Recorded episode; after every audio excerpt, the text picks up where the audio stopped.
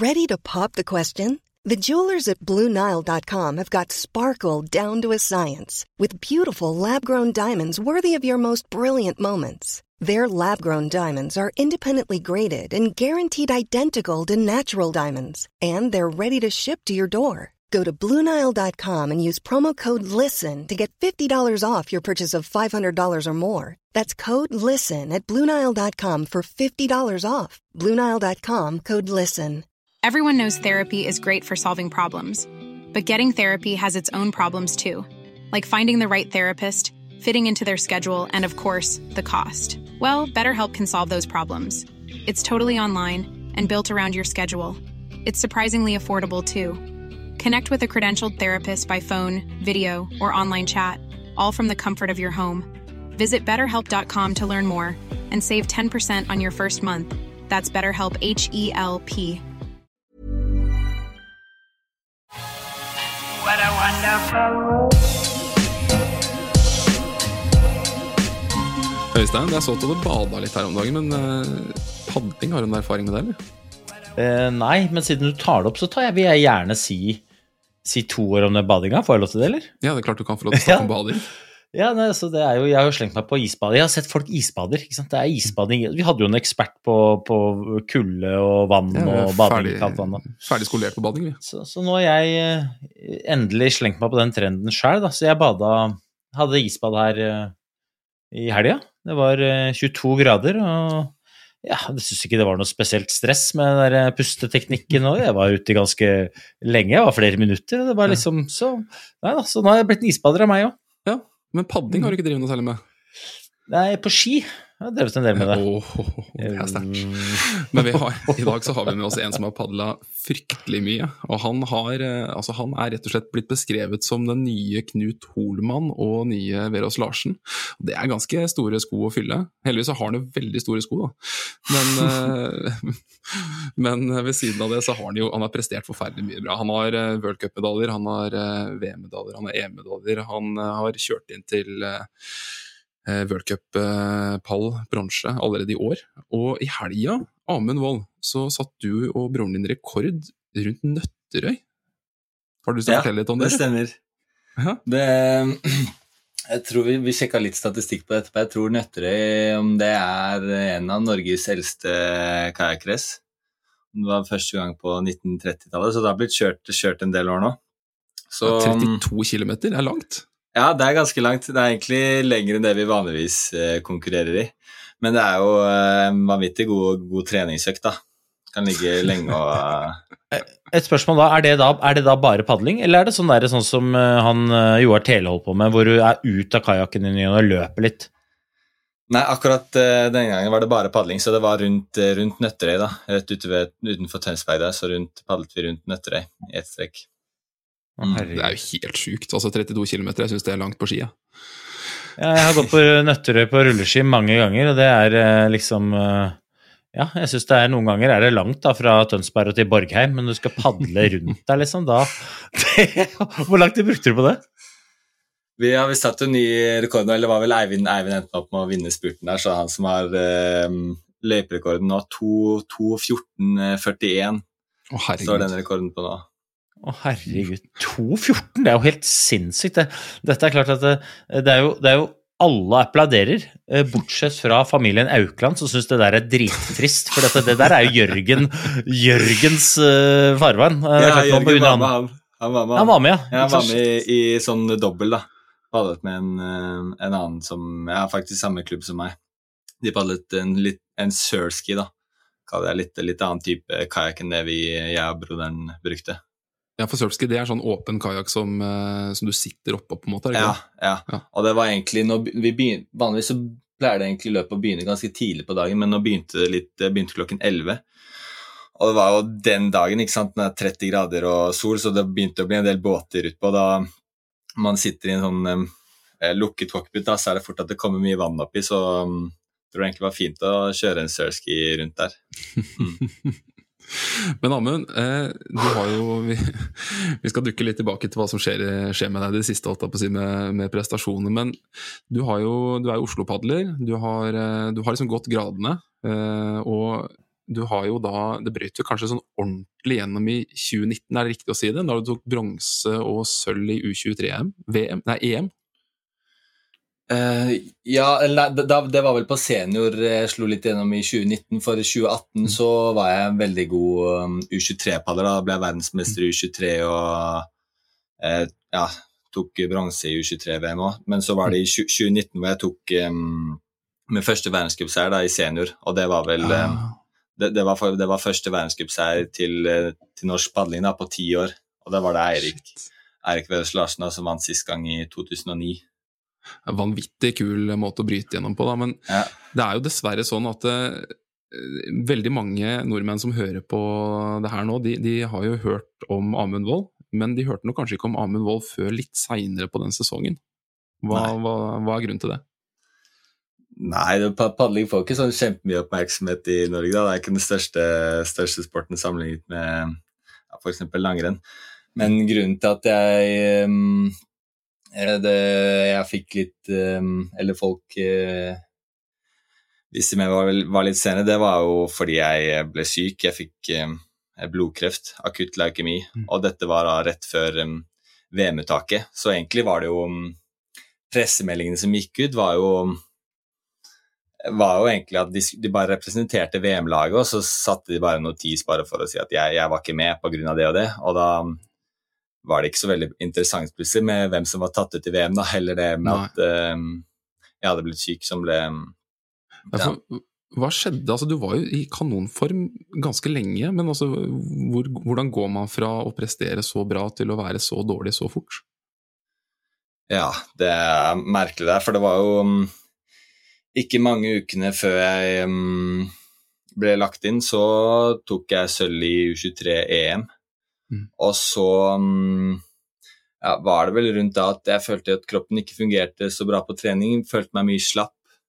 Og egentlig, det er, det er en veldig aggressiv sykdom. Det er jo um, går, man, eh, går man, lenge uten behandling, så, ja, så, så, går det ikke så bra. Da. Så det, det er, er sånn Når de der hvite blodcellene begynner å utvikle seg, da, de um, lymfoblastene, da, som man kaller det, blir litt teknisk, men når de det er en sånn eksponentiell vekst, da. så plutselig tar de bare over benmargen helt. da. Og da produserer man ikke noe av de eh, blodcellene som man faktisk trenger, da. hemoglobin og eh, ja, immunforsvar som fungerer. Så da, da, går det ganske fort ad undas. Mm. Og, og, liksom, og, når du sier liksom 'følte meg ikke så bra', eller at kroppen ikke altså, hva, hva, hva mener du med det, liksom? Hvordan, hvordan følte du det, da?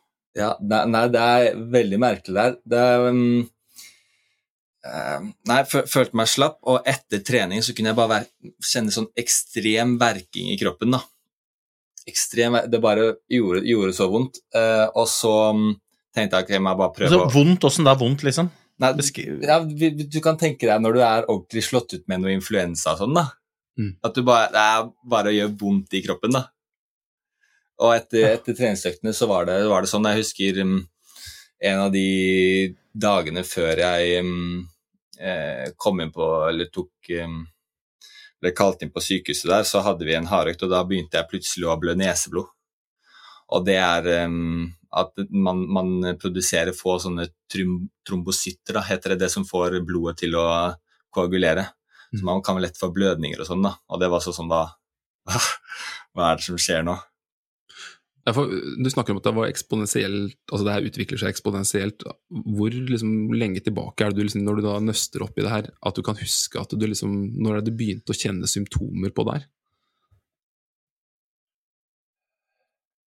Ja, det, det, det, er Når jeg begynner å kjenne symptomer på det, det er jo uh, først når man ja, Det er litt, vanskelig å si, for man uh, det, det legene i hvert fall sier, da, er at dette kan, i, dette kan, ha vært i, kroppen og drevet og murret, og noe som kroppen på en måte kjemper litt imot i noen måneder, da, før det på en mm. måte, man mister helt kontroll. Og det er, det er ikke før det mister kontroll at jeg følte meg dårlig, så det var ikke mange ukene jeg gikk og følte meg ordentlig dårlig.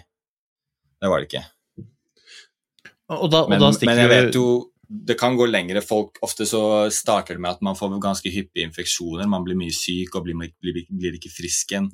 og så er det grunnen til at man går og sjekker opp, da. Jeg, jeg var jo egentlig ikke syk, hadde ikke noe, var ikke forkjølt eller noen ting. Det var bare det at jeg følte meg dårlig på trening, at det var noe som ikke stemte, da. Tror du at du fant ut før enn gjennomsnittet fordi du driver eh, med trening og lever av å ha en kropp som er måte i tip shop shape, så du kjenner marginene før, eller? Det kan godt hende. Eh, samtidig så tror jeg dette var jo Det begynte å nærme seg VM og OL-kvalifisering, og jeg følte liksom nå, nå skal jeg begynne å være i god form, da. Liksom begynne å lette litt opp på treningen, begynne å kjenne litt overskudd.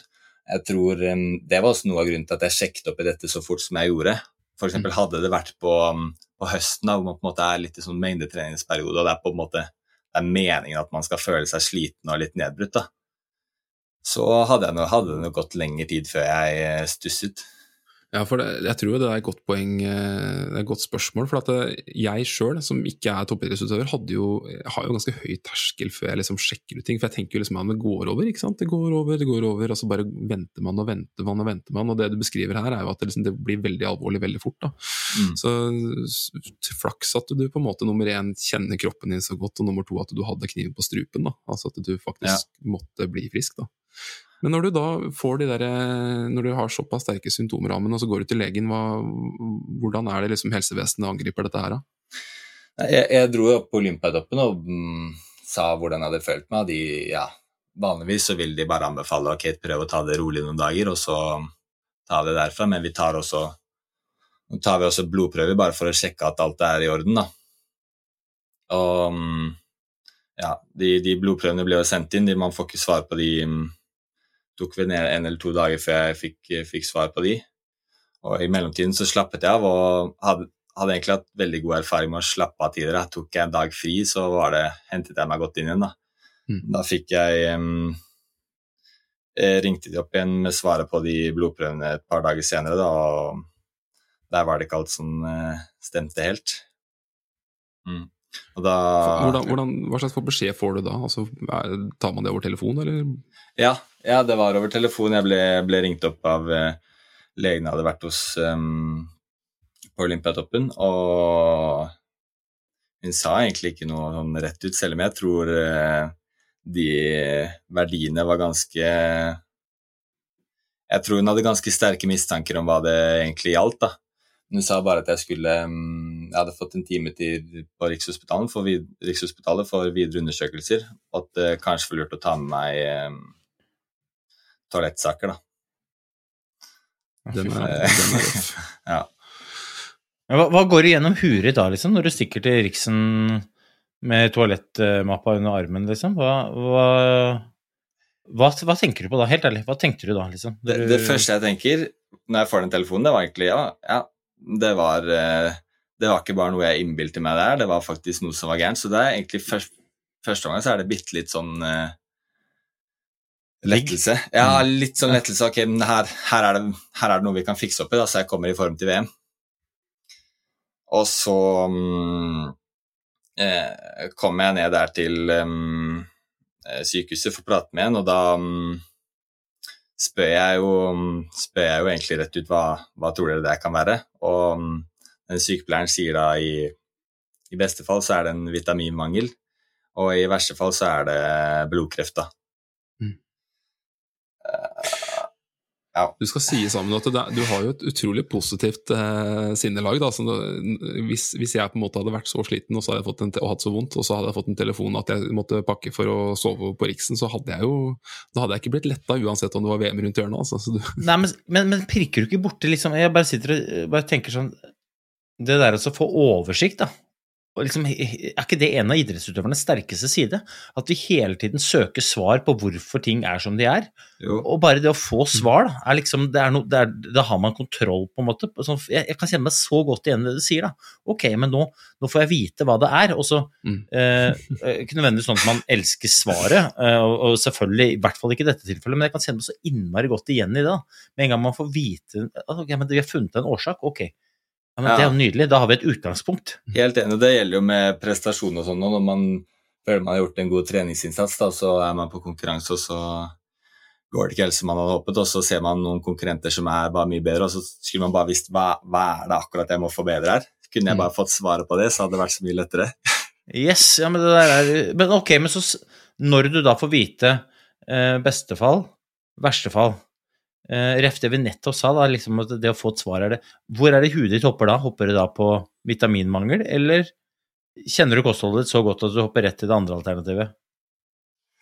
Nei, Jeg tenkte jo kanskje at det kunne være noe imellom, eh, imellom der òg, da. Så, men jeg, jeg blir jo så klart stressa. Samtidig så jeg, jeg hadde ikke noe forhold til kreft. Ikke, jeg, ikke peiling. Jeg tenkte jo ikke at det var det det, det det kunne være i det hele tatt. Og så kommer det eh, Når jeg egentlig blir eh, Tar det litt ordentlig inn over meg at dette kan være ordentlig alvorlig, da Rett etter jeg har pratet med denne sykepleieren, så kommer det mm, så kommer det flere inn. Jeg er blitt satt på et sånt alenerom, da, og så kommer det mm, et par leger inn og noen sykepleiere, og de skal, eh, de skal høre hvordan jeg har følt meg de siste dagene. Da.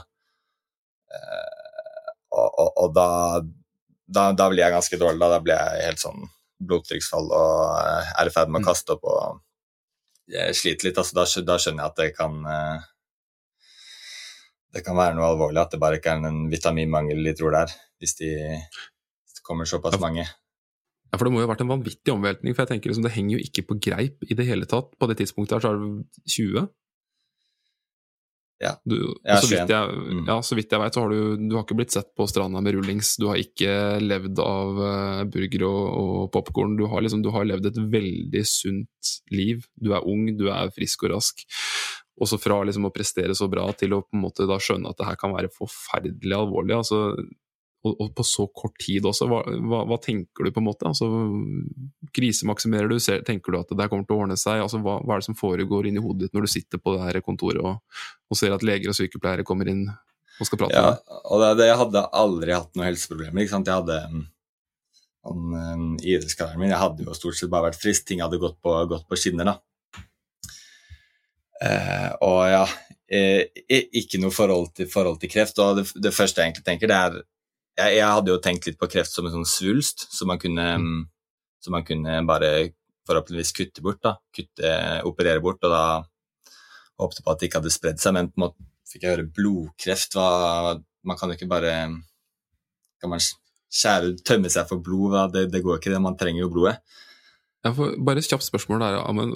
Vi trenger ikke å bli for tekniske på det, men eh, du hadde noe som het uh, leukemi, blodkreft. Ja, Eh, har du lyst til å bare gå sånn veldig overordna gjennom hva du hadde og liksom hvordan det fungerer? For det er nok mange som, som du også, som tenker liksom at eh, kreft det er en svulst som fester seg eller vokser eh, i vev og sprer seg rundt. Hva er Mm. blodkreft?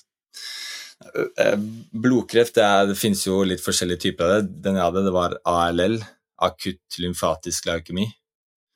Og da er det noen sånne hvite blodceller da, som begynner å overprodusere. Det skal egentlig være en del av immunforsvaret, men dette er sånn så, såkalt underutviklede hvite blodceller da, som går ut i blodstrømmen, men som ikke har noen funksjon.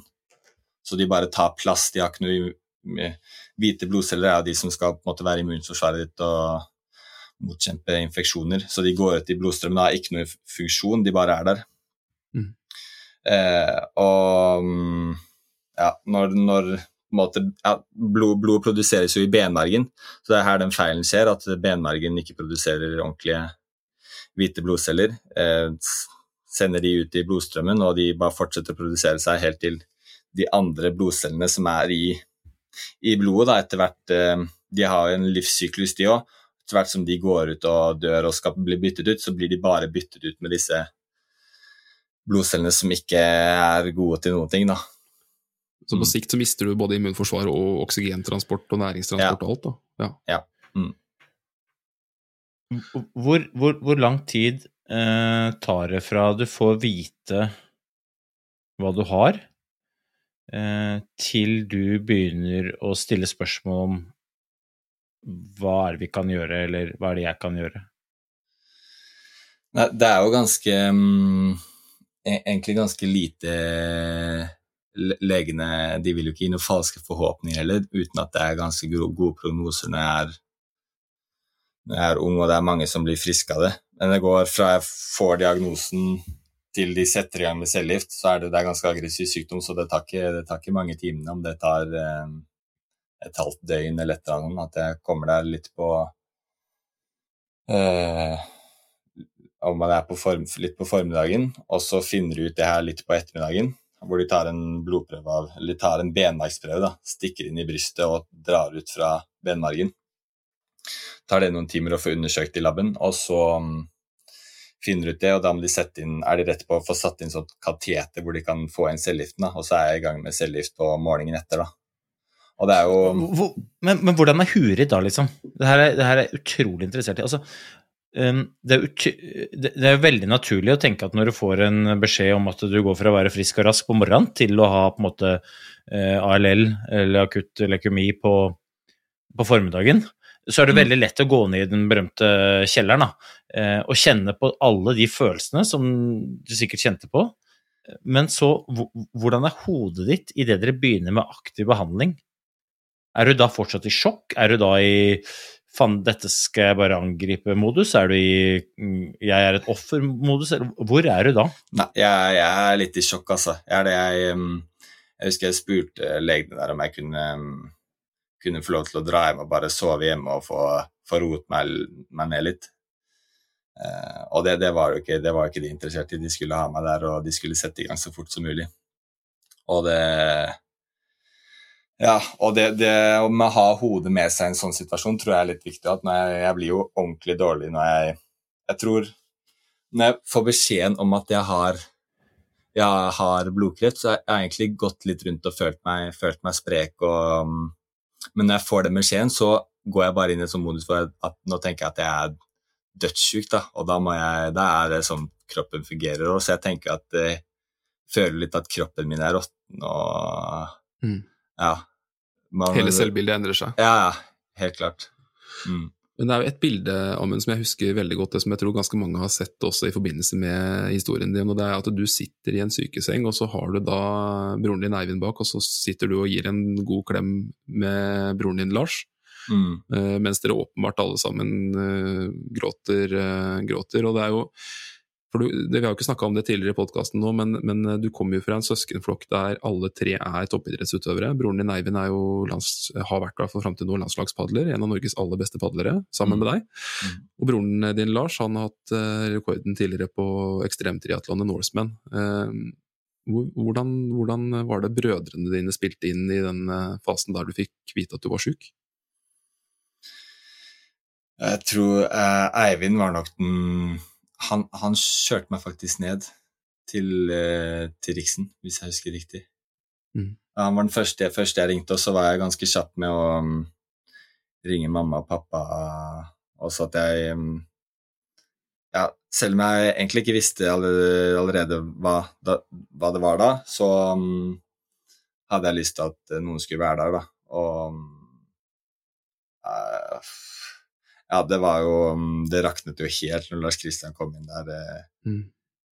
ja, da ble det mye, mye følelser. Jeg tror, jeg, tror jo, jeg tror jo det er vanskelig å se på det bildet uten å kjenne ordentlig på det. I hvert fall når man hører, har hørt historien din og, og hører det du snakker om nå. Men det, dere har jo sikkert pusha hverandre ganske hardt i, i oppveksten, vil jeg tro. Eh, og som søsken flest kanskje vært litt ugreie med hverandre, men, men der stilte gutta opp, altså.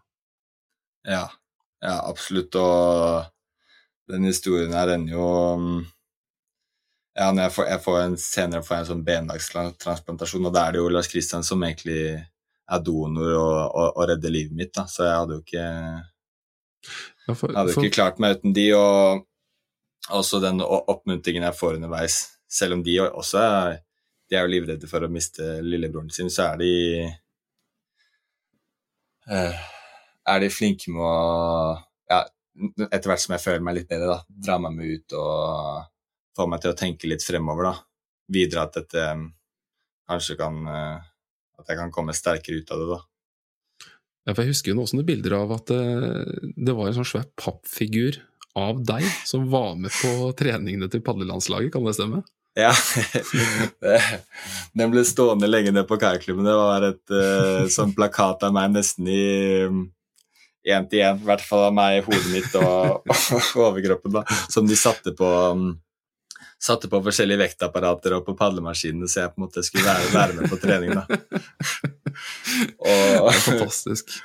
ja, og de satte jo, Eivind satte i gang en sånn um, en sånn challenge. Jeg mistet jo håret etter hvert da med cellegiften og satte i gang en sånn uh, Go Bald for Cancer, hvor man skulle skinne seg. da. Og um, jeg husker Lars Kristian satte sammen Når det nærmet seg jul der, så satte uh, satt Lars Kristian og Eivind sammen en sånn lang, lang video med mange som ønsket meg, ønsket meg god jul, og som jeg fikk titte på på julaften når jeg var inne på isolat. Mm. Det er utrolig flott. Det er, eh, det, er jo, det er, jo, på en måte en sånn uh, påminnelse for alle, alle søsken som liksom slåss litt også, at det, selv om det, det, feides litt, så er det, er det, på en måte de man lener seg på. Mm. Men Amund, du, du, gikk jo litt inn på det her med at du fikk beinmargstransplantasjon. Men før det, har du bare lyst til å ta oss litt gjennom den behandlinga du var igjennom fra du fikk vite at du hadde kreft? Hva begynner man med? Ja, det begynner med ganske mm, ja, Eller veldig intensiv behandling med cellegift, hvor de skal prøve å slå tilbake all den kreften her. Så at man skal komme i en sånn remisjon da, hvor de ikke kan se noen flere kreftceller. Så det er vel 29 dager, hvis jeg husker riktig, med mm, ganske heftig cellegiftbehandling. Og så etter det så tar de en ny benmargsprøve for å sjekke om, sjekke om, de kan se noen flere kreftceller. Eh, og det gjør de. Så optimalt så hadde, jo, hadde jeg jo vært i mm, kreft, ja, kreftfri allerede etter, etter 30 dager med cellegift. Uh, men det er jeg ikke, så den er jo Det viser seg at denne kreften er litt mer um, ja, litt tøffere enn det de kanskje hadde håpet på, når man skal når man ser hva måte, det er best prognose på. Da. Og da er det um, Fortsetter man ikke like hissig, men fremdeles med en del uh, hvor jeg har noen sånne ja, Går noen ganger inn til kraftigere behandlinger, men også går daglig um, daglig på en sånn eh, cellegift form av pille. da. Eh, og da er det til dag 72 så skal man ta ny, ny kontroll. da. Eh, og, og da, da, regner man med at man skal være i, i, remisjon. Og hvis man ikke er det, så blir man automatisk eh, opp enda et nivå da, hvor det er enda mer risikofylt at eh, man kanskje ikke, ikke, kan bli frisk.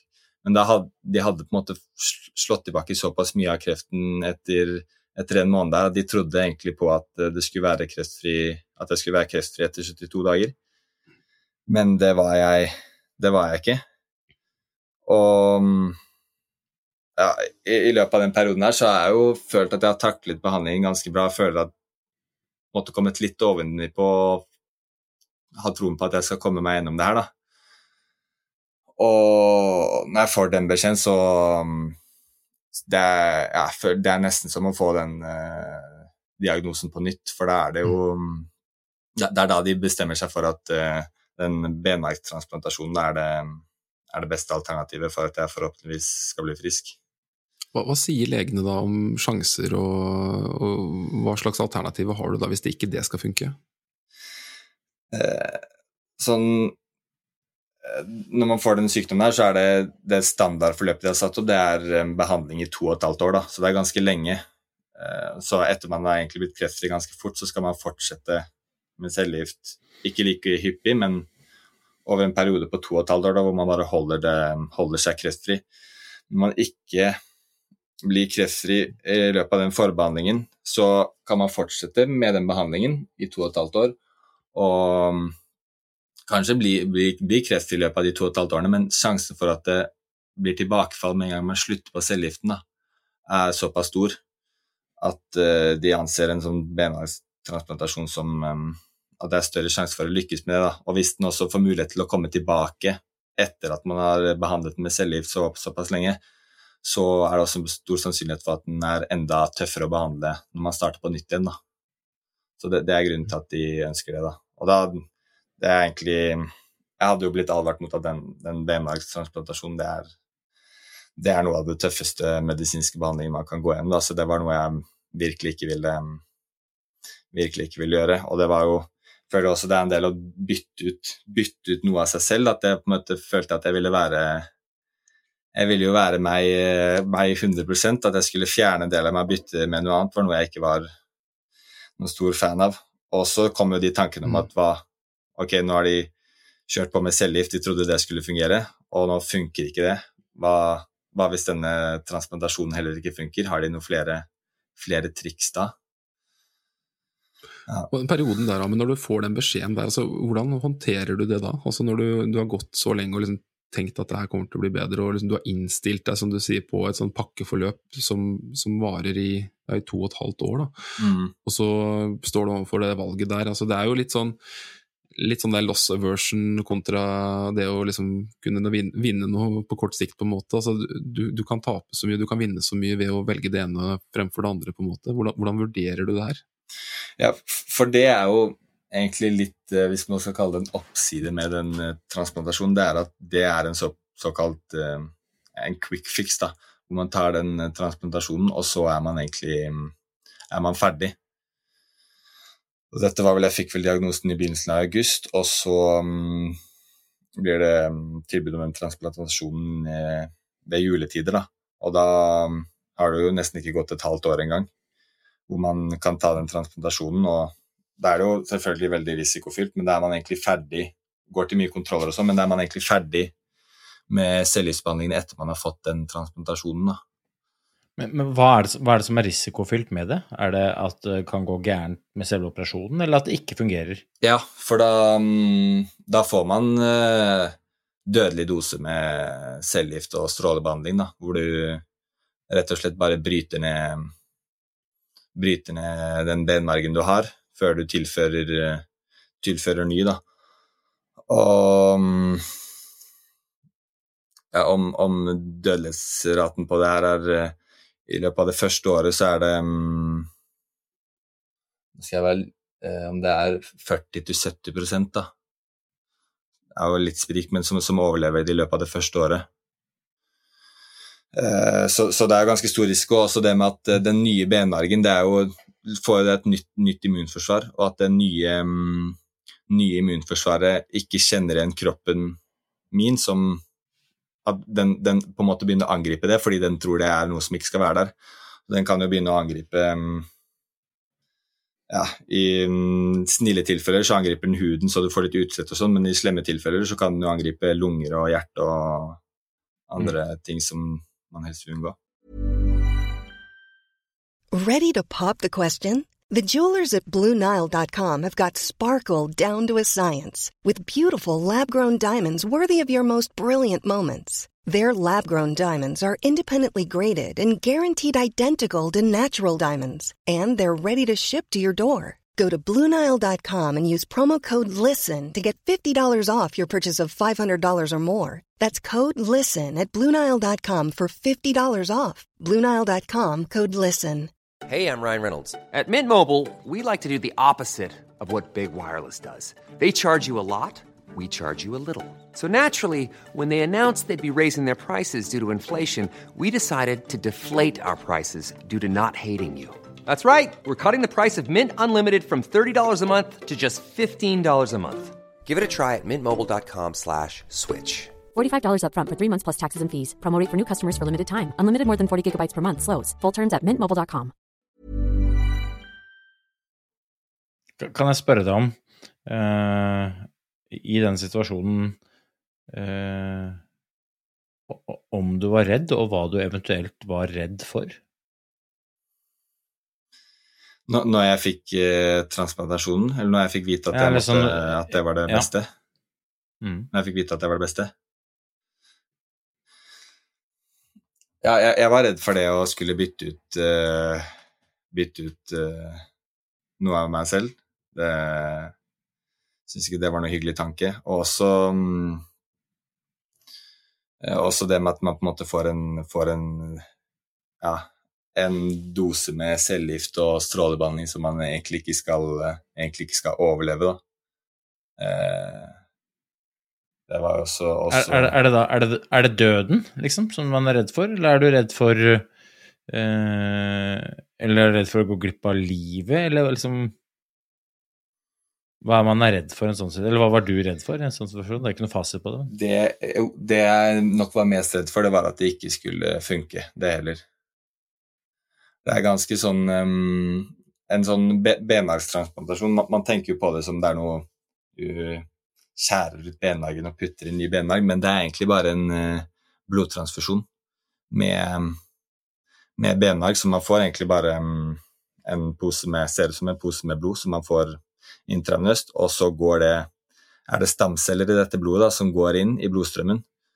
Og legene virker egentlig ikke som de har noe veldig godt svar på hvordan det funker, egentlig, for det er disse stamcellene går inn i blodstrømmen og finner på en eller annen mystisk måte veien inn i benmargen. De vet altså hvor de skal. De går inn i benmargen og um, setter seg fast der og begynner å produsere nytt blod. da.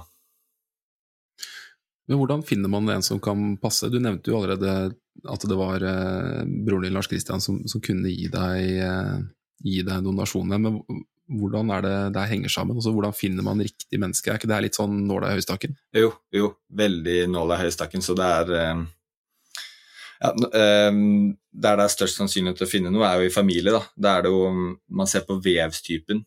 Men sånn som eh, når man eh, får på en måte DNA fra begge foreldre, så er det jo får man jo 50% av, av hver, så foreldre er um, egentlig aldri noe god match, da.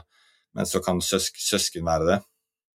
Og da er det vel um, 25 da, sannsynlighet for at um, en søsken er, er god match.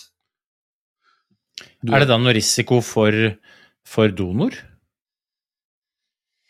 Ja, det er også to forskjellige måter å ta denne benmargen på. Og, men den ene er litt, litt, bedre enn den andre, men også litt mer risikofylt. Da. Og, men Lars Kristian valgte jo den, den metoden som var mest risikofylt for ham, men best, skulle være best for meg, da, med tanke på bivirkninger i etterkant. Og da, ja, da går han jo inn i narkose, og de går inn i hoftekammen. Og de tok vel ut eh, ja, nesten to liter blod. Og, um, så han var ganske han var, han, var ganske, ja, han var ganske redusert eh, og slet litt med gangen en stund. Ikke, han hadde jo to små, to små, barn, så jeg tror ikke det var det beste situasjonen for han, eller akkurat det der. Ja, men det, det, det, det, er noe, det er noe fint med på en måte det er noe fint med historien din oppi det brutale, for dette på en måte får syretesta hvor viktige relasjoner er. Altså. Mm. Uh, og hvor, hvor viktig sånne bånd og vennskap og familie og ja, bare kjærlighet. Da. Det, er jo en, det er jo en kjærlighetserklæring fra broren din til deg. Da, og eh, jeg sitter liksom og Jeg bare hører på det, og jeg, jeg blir oppriktig glad av å høre det òg, da. Jeg, og jeg tror veldig mange hadde gjort det samme. Jeg håper i hvert fall det. Samtidig som det ikke nødvendigvis er en selvfølge. Men jeg tror det det dreier seg om at når man virkelig blir pressa til det ytterste, så, så, skreller man jo vekk alle ting som egentlig er uviktige. da. Eh, som vi bruker mye tid på i hverdagen, og så er man bare rett på at man, dette er altså det viktigste. Eh, og ja, det der med relasjoner, ass, fy flate. Jeg, uten sammenligning for øvrig, så holdt jeg på å miste livet sjæl i en hjerneblødning i, i 2021, og det er liksom sånn jeg tar meg selv i å tenke flere ganger i den sjukesenga at uh, fy flate så mye tid jeg bruker på uviktige ting, som mm. egentlig ikke er så Altså, jeg er ikke noe jeg er ikke noe redd for å miste noe av det som jeg på en måte enten har drevet med på idrettsbanen eller driver med på jobb. Eller, det er ikke noe viktig, liksom. Men i hverdagen så anser jeg det som viktig, men sånn å virkelig bli pressa, så bare sånn, ja, men det Blir veldig partikulært. Veldig! Mm. Altså, sånn, jeg jeg jobba forrige uke, du skal få lov til å fortelle videre om det, men altså, forrige uke så var det en sånn test sant, på, på, mobilen rundt, um, rundt det nye varslingssystemet. eller sånn, Vi tester hva, om varslinga fungerer hvis det virkelig blir krise. så stilte jeg dette, dette, skjedde midt under foredraget, jeg visste at det kom, og jeg sa også at det kommer til å pipe klokka tolv. Og når den peip, så ba jeg folk om å reflektere litt over hvis dette har vært alvor hva hadde du vært redd for da, eller hva, hvor hadde du løpt? Hadde du løpt til kontoret og fått kippa av gårde noen mail, eller hadde du stikket rett på skolen og henta de folka du er glad i? Liksom, bare satt, det litt i, det litt i perspektiv, ass. Det det, det sitter og hører på men når du forteller oss. Mm.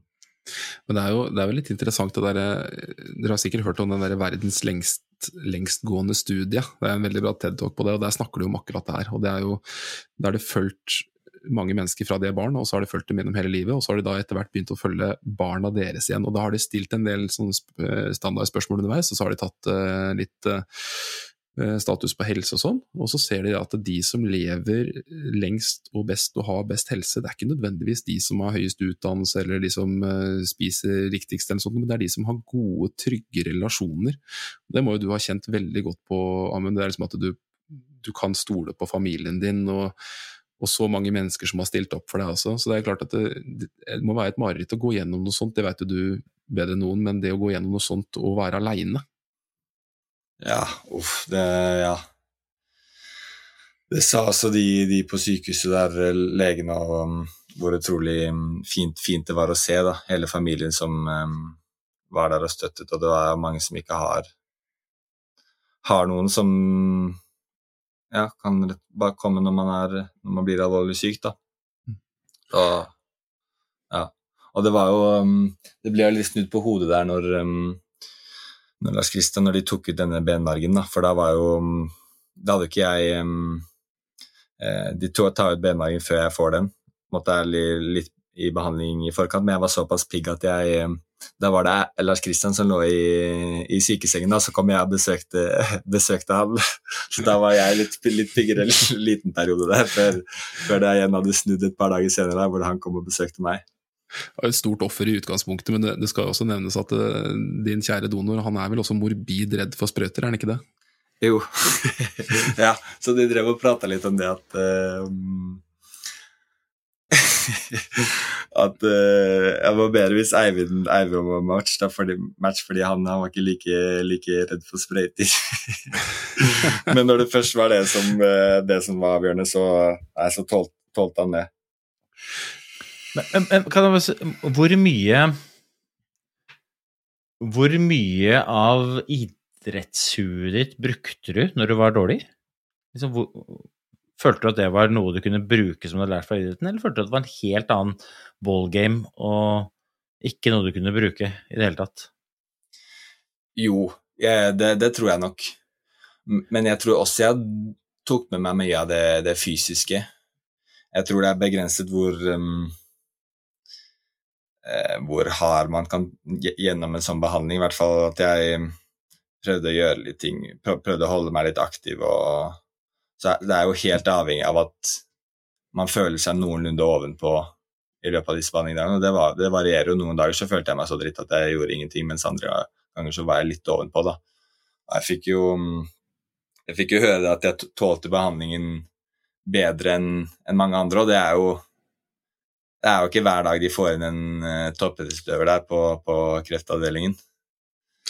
For det, ikke, det var jo ikke sånn typisk sykehusbilde, når du, i hvert fall i starten der, men når du fortsatt liksom hadde padler i toppformkropp, så så det ut som hulken lå der med, med, med liksom eh, drypp eh, festa i brystkassa. Men du har, jo, du, har jo også, du har jo også vært litt sånn ambassadør for Aktiv mot kreft, har du ikke det? Mm. Sånn, og, og de, de, snakker jo veldig om det her å liksom forebygge altså gjøre kreftbehandlingsforløpet bedre ved å være aktiv, og, og, og det å minske senskader og sånn. Også det at du var så vanvittig god form i forkant, og at du også var aktiv underveis. Hva er liksom din personlige erfaring med det? Altså, hvordan, øh, nå har ikke du sett på alternativet, selvfølgelig, men hvor viktig var det for deg å liksom holde kroppen litt i gang? Ja, det, det var utrolig, utrolig viktig. Når, man, når jeg fikk den diagnosen, så blir man jo ja, rett inn på sykehuset der og er innlagt, og før egentlig man blir frarøvet friheten litt. Så ja, det, man tar på en måte litt for gitt det å være ute i frisk luft og bevege seg, og da de sjansene jeg fikk til å traske meg en tur ut og gangen jeg fikk dra hjem fra sykehuset, det, ja, det ga meg ekstremt uh, mye. For man, når man er innlagt der, så tenker man hele tiden at man, man er jo innlagt på sykehuset for en grunn og det rett og slett komme seg litt ut, komme seg ut i skogen også med Aktiv mot kreft, der som har et sånt pusterom med, med litt hinderløyper og sånn bak i, i Gaustadskogen der.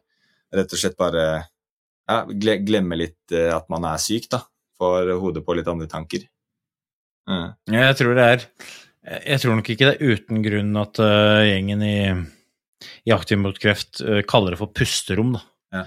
For det er jo akkurat det du beskriver, liksom, den der muligheten til å så puste, få huet på noe annet enn sykdom. Da. Og sykehus, ikke noe vondt om sykehus, men det lukter jo sykehus. Mm. Det lukter jo mm. ikke Det lukter jo ikke friske hus. Eh, det lukter jo sykehus. Og det komme seg ut av, eller de derre ja, i en del av disse pusterommene hvor det er på en måte treningsrom, men uten speil, og på en måte hvor du Ja, det, det er litt annerledes, da. Det er sånn litt, litt glipe i en en ellers ganske alvorlig, i hvert fall, hverdag, som kan også oppleves sikkert kjedelig uten at jeg har eh, vært kreftsyk, men eh, jeg har vært på, vært på det sykehus sjøl og veit jo vet hvordan det føles, da. Men hvordan er det da når det liksom eh, ja, Du får denne transplantasjonen, og så, og så går det da bra? Er det da be- Begynner, begynner pila å peke oppover da, eller hvordan, er det, hvordan, er, hvordan kjenner du det, liksom? Hvordan får du Ja. Nei, kjenner ikke det som Eller det Man har fått den dødelige dosen med, med cellegift og strålebehandling. Da. har man egentlig ikke noe immunforsvar som reparerer på en måte, Sørger for at alle skadene som den cellegiften og strålingen har gjort, da, ingenting som på en måte er med og reparerer det. Da, når jeg får den nye benmargen, så følger de hele tiden med, tar nye blod, blodverdier, blodprøver, og så ser de kan de se med en gang du går fra å være 0,0 da, på disse verdiene, så ser de oi, nå var det 0,1. Ok, da skjer det noe. Og da begynner, det å sette i gang. da. Så da, da begynner jo litt den reparasjonsprosessen, da. Men det tar jo ja, for det er 0,1. Det er liksom ikke Å, det er 10. Nei. det er det må være- 0,1. Det må jo være vanvittig nervepirrende når du på en måte du veit at nå er det ikke noe mer igjen, nå har du tatt livet av effektivt alt, liksom, og så får du Mm. da den overføringen. Det vakuumet der fra du har innført det til at du får den der første desimalen, må jo være helt vanvittig nervepirrende. Ja, da går man hver dag. Da tar de blodprøver um, hver dag og sjekker det her, da. Og det er også I den perioden her så er man jo Ja, var jo ekstremt dårlig, ikke sant. Og man er jo um, man er veldig utsatt. Da er man jo innlagt på isolat, og alt som går inn og ut, skal um, sprites og vaskes. Og um, til og med sine e egne bakterier da, kan, være, kan være livsfarlig, for man har jo man har ikke noe immunforsvar, men det er ikke noen måte å beskytte seg på, så um, Hvor dårlig er du da? Nei, da Da den, den strålingen og cellegiften vil gjøre at alt sånne slimhinner og sånn sprekker opp. Så jeg klarer omtrent ikke snakke helt sånn Sånn stemme. Jeg er helt Klarer ikke drikke noe, klarer ikke spise noe, så får alt intravenøst. Og så er jeg koblet til en sånn morfinpumpe som jeg har kontroll på i hånda, som jeg kan trykke på når jeg syns smertene blir for eh, Når det blir for mye, da. Jeg husker jeg syns egentlig ikke det det, det hjalp så veldig med den morfinpumpen. Det var mer at jeg ble, ble søvnig av den. da, Så jeg trykket på den, så søvn, sovnet jeg. Og så når jeg våknet igjen, så var det å trykke på den igjen. da. Og sov sikkert eh, Sov jo store deler av dagen. Det var, lå i sengen der, og de gangene jeg gikk opp, så var det for å gå på do, da. Så var de tilbake igjen. Hvor, Ja. hvor lenge går det før du liksom begynner å føle at livet kommer litt tilbake til deg?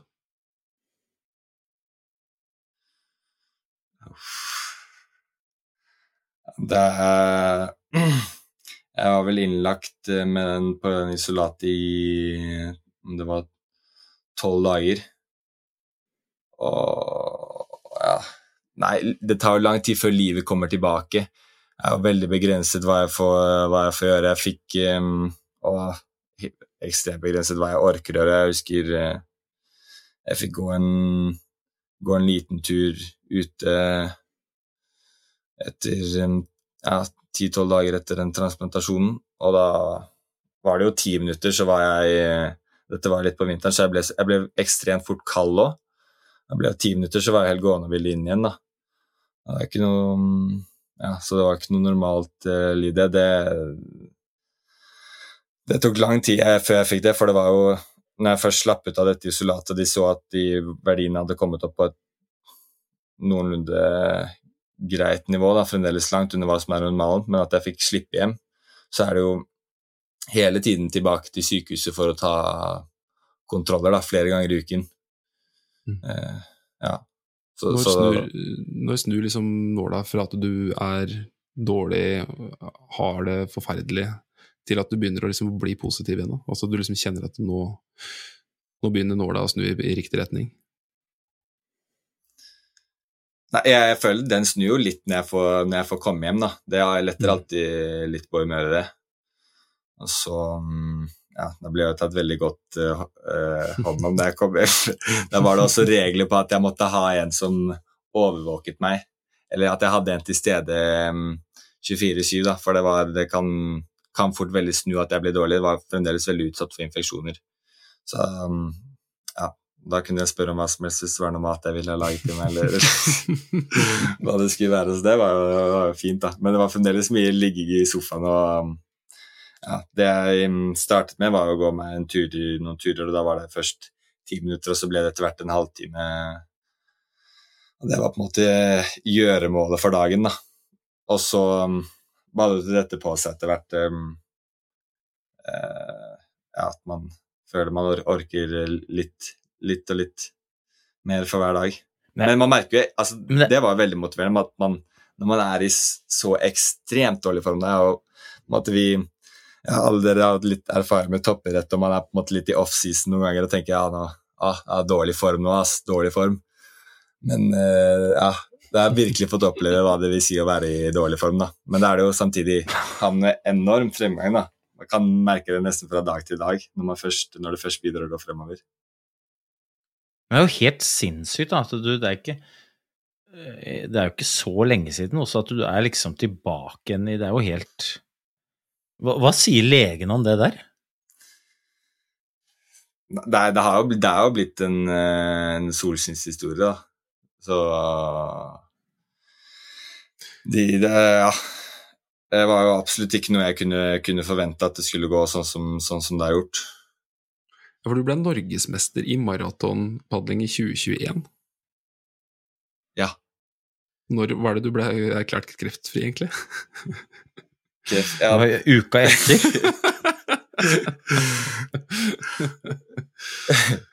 ja, nei, jeg ble jo eh, kreftfri um, rett før den transplantasjonen. Da. De må få meg kreftfri før de gjennomfører den uh, transplantasjonen, så da, da, kjører de på med ganske hard uh, cellegift før det, så de sjekker at jeg er kreftfri før det. Så det var vel eh, Jeg lurer på om det nesten var på, mm, var på bursdagen min, dagen jeg ble 22, ute i slutten av november 2019. Eh, Bare et lite, et lite kontrollspørsmål. Var det noen andre deltakere med?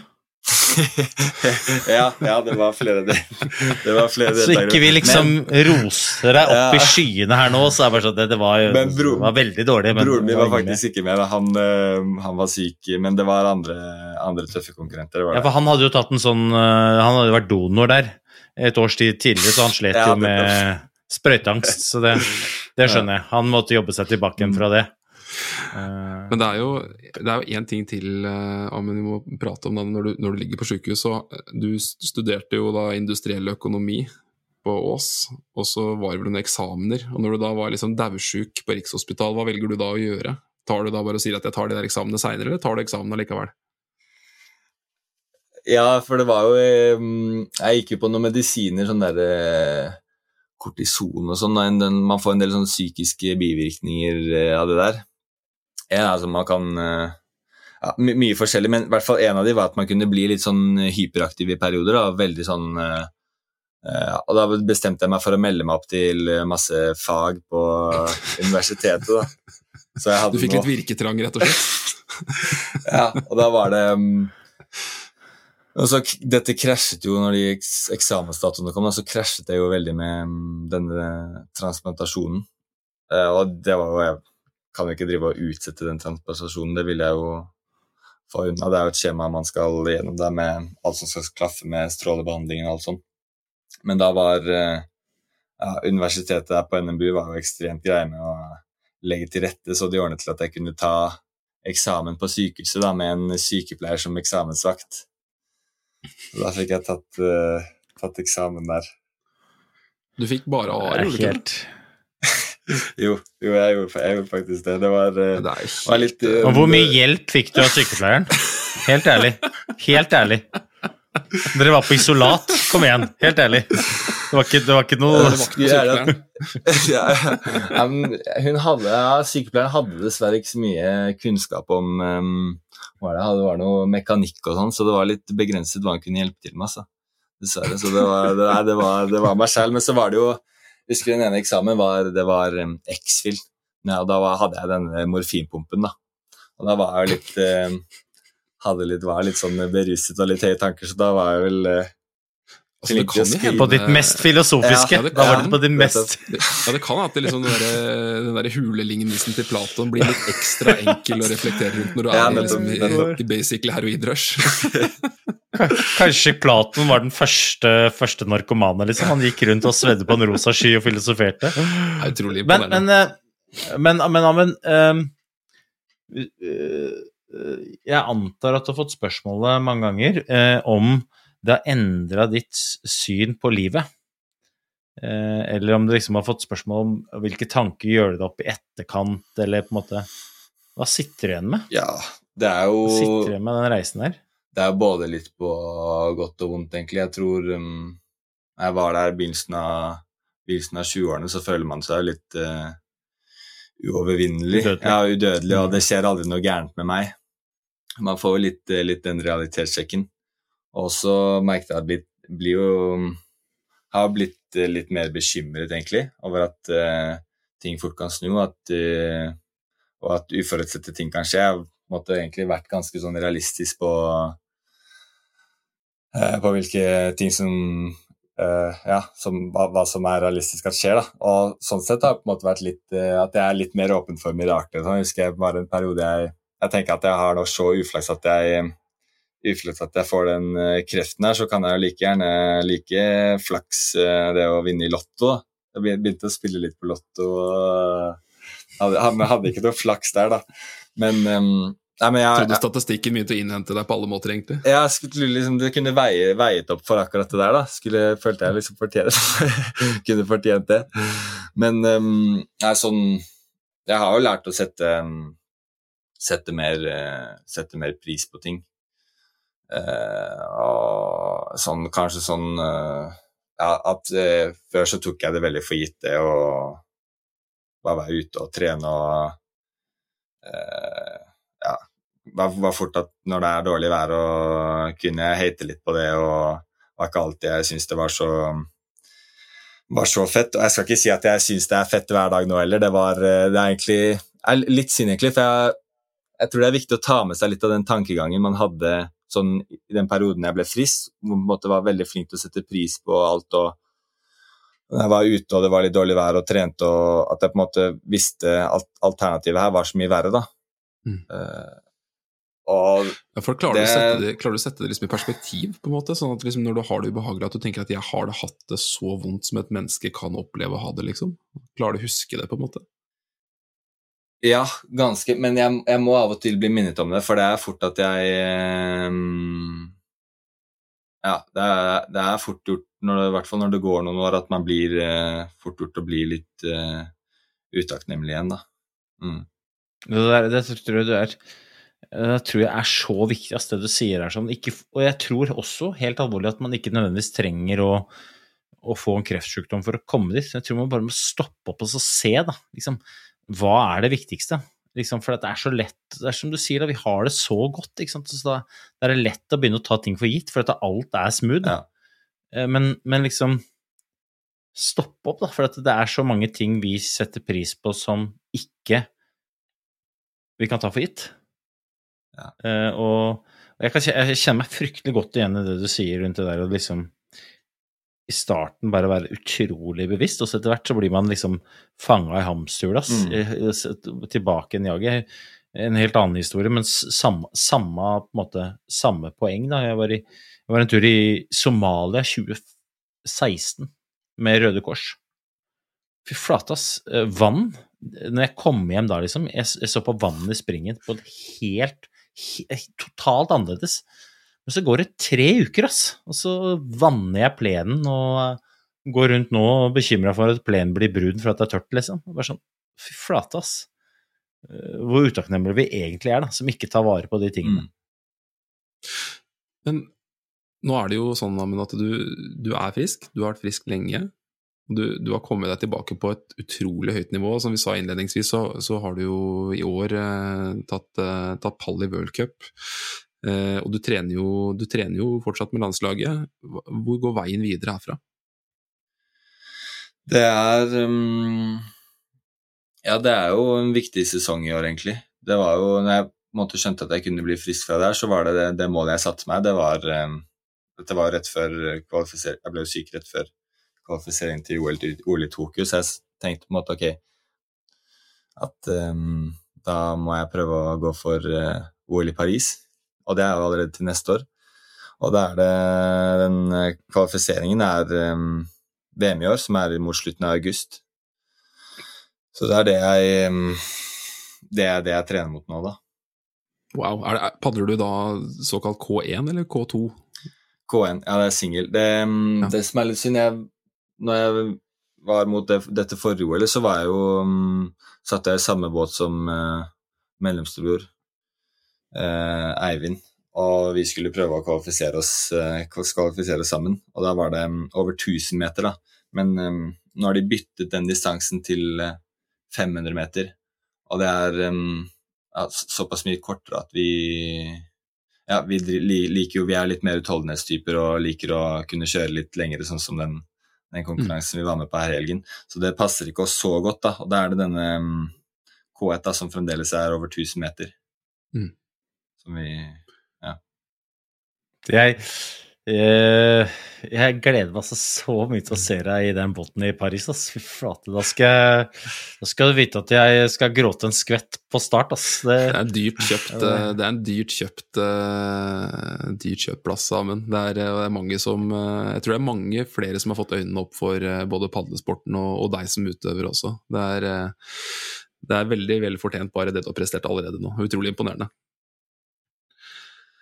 Men uh, det har jo vært en litt mer alvorlig episode nå, Øystein, enn vi pleier å ha. Det, vi har, ikke, vi har, vi har ja, men- mindre latter enn vanlig. Det har vært litt mer sånn tårer på vei ut eh, og litt mer vanskelig å, å stotre fram spørsmålet. Men det har vært en utrolig det har vært en utrolig fin prat med en utrolig fin og reflektert eh, utøver. Ja, så jeg har bare lyst til å takke deg sammen, fordi at øhm, Ikke fordi at du går bort og blir sjuk, men fordi at du deler, da. Deler For jeg, jeg, tror, er, jeg tror du pirker borti noe som er så utrolig viktig, da. Liksom det derre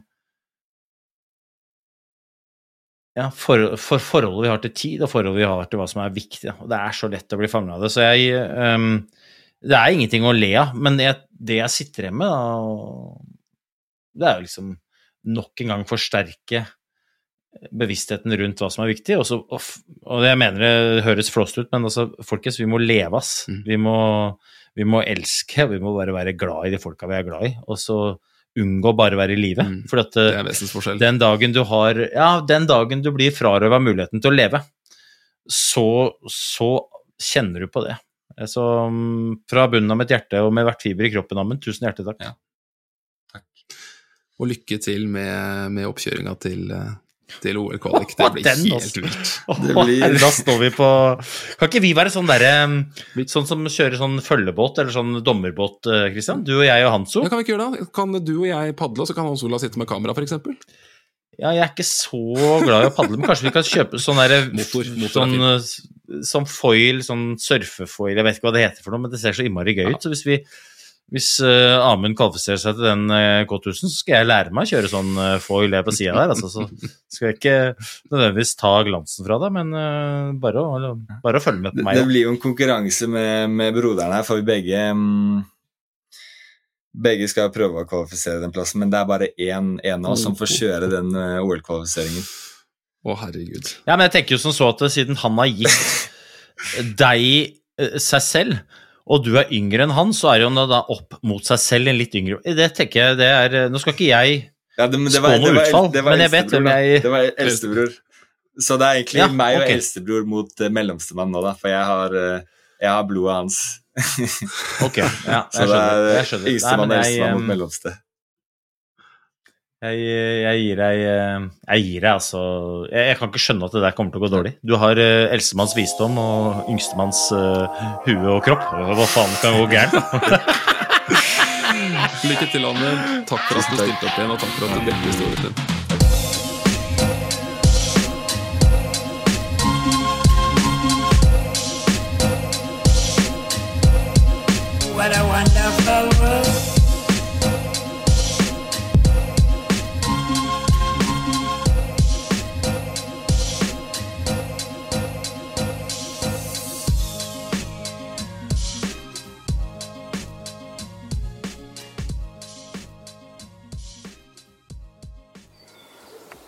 Dager.